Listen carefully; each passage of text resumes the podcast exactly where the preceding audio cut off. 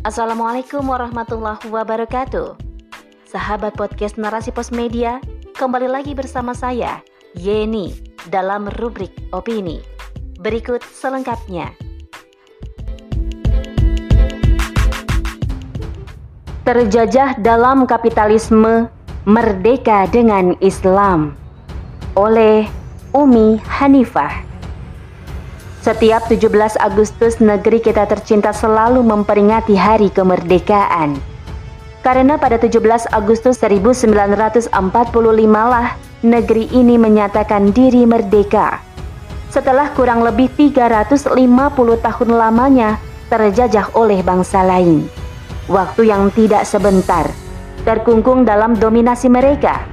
Namun timbul pertanyaan, Benarkah Indonesia sudah benar-benar merdeka?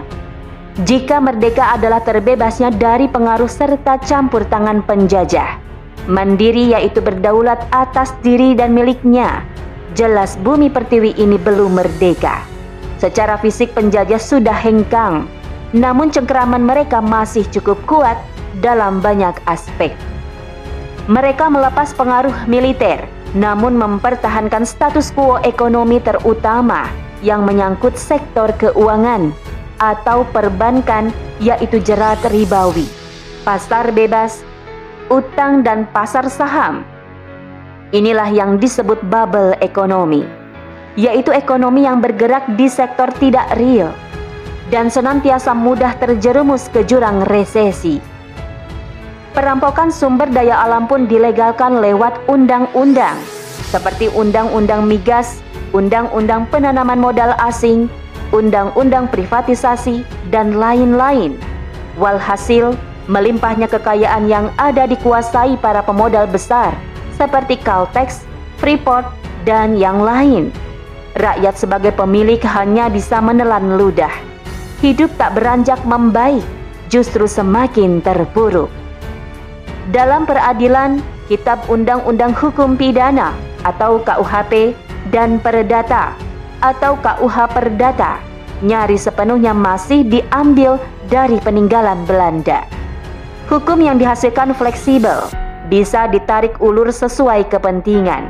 Sudah bukan rahasia jika hukum tajam ke bawah atau ke rakyat namun tumpul kepada pejabat dan pemodal. Sistem sosial masyarakat yang bebas nilai sehingga muncul berbagai masalah. Pergaulan bebas yang berakhir aborsi, perselingkuhan, HIV/AIDS yang meningkat dari tahun ke tahun adalah akibat dari kebebasan bertingkah laku. Ditambah narkoba yang sulit dihilangkan, kehidupan masyarakat diliputi kecemasan dan kegoncangan. Pendidikan yang berorientasi profit menghasilkan generasi siap kerja namun sebatas kelas bawah atau buruh. Kurikulum terbaru yang dicanangkan hanya untuk industri, padahal pendidikan sejatinya membentuk kepribadian calon pemimpin. Bisa dikatakan pendidikan kering ruhiah, sehingga menjadikan mereka mudah terjerumus ke dalam pergaulan yang salah, seperti tawuran, seks bebas, minuman keras, dan tindakan tak terpuji lain. Jika hal ini dibiarkan bagaimana nasib bangsa di tangan generasi yang seperti ini? Tatanan politik ala Machiavellis tak ada standar salah dan benar. Yang penting bisa meraih kursi jabatan. Dengan modal besar mereka meraih suara walau harus ikut kanan kiri. Kecurangan dan sabotase biasa terjadi demi tampuk kekuasaan. Inilah bukti bahwa negeri ini masih terjajah dalam sistem kapitalisme. Sistem dengan asas sekulerisme yang melahirkan aturan cacat penuh perdebatan, perselisihan, dan kegoncangan. Ketenangan dan kebahagiaan jauh dari angan. Artinya kemerdekaan yang diraih adalah semu. Sebaliknya negeri ini akan meraih merdeka yang hakiki jika mengambil Islam sebagai landasan dalam seluruh aspek kehidupan.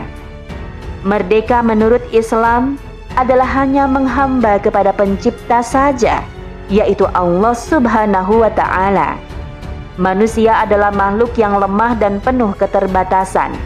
Sudah seharusnya hanya kepada Dia saja manusia tunduk dan patuh. Ketundukan itu adalah dengan melaksanakan aturannya dalam seluruh lini kehidupan. Aturan dari Al-Khaliq pasti baik buat semua manusia, baik muslim maupun non-muslim, di mana pun dan kapan pun. Bukankah manusia itu makhluk yang merdeka, makhluk yang bebas? Namun kebebasan itu jika dibiarkan tanpa aturan akan membawa pada kesengsaraan. Bukti ini sekarang terjadi. Merdeka yang didapat hanya legalitas. Sementara dalam kancah kehidupan masih terbelenggu dengan aturan yang syarat kepentingan manusia yang lain. Maka, pada poin ini perlu ditekankan lagi, merdeka itu tidak lain ada pada Islam. Karena Islam adalah jalan keselamatan di dunia dan kebahagiaan kelak di akhirat. Aturan dari alkoholik semata untuk kemaslahatan manusia sendiri. Kesempurnaan Islam terbukti kokoh selama 13 abad. Saat Islam menjadi peradaban dunia tidak ada penjajahan atas negara lain. Ketika Islam menaklukkan suatu wilayah, masyarakat dengan latar belakang agama, suku, dan bangsa yang berbeda namun diperlakukan sama dalam semua urusannya. Negara menjamin hak mereka, baik dalam bidang hukum, pendidikan, ekonomi, dan yang lainnya, dengan adil. Khalifah Umar bin Khattab ketika mendapati pengaduan keberatan orang tua Yahudi bahwa rumahnya akan digusur untuk pembangunan masjid, Umar langsung menginstruksikan pembatalan pembangunannya. Sungguh sistem mana yang bisa adil di depan semua rakyat dengan tidak melihat agama atau apa pun selain Islam.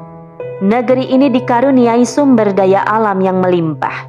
Itu semua milik umum, artinya seluruh rakyat memilikinya. Dilarang diserahkan kepada swasta, baik lokal maupun asing. Adapun yang berhak mengelola adalah negara dan hasilnya diserahkan kembali pada rakyat melalui jaminan terpenuhinya berbagai kebutuhan hidup.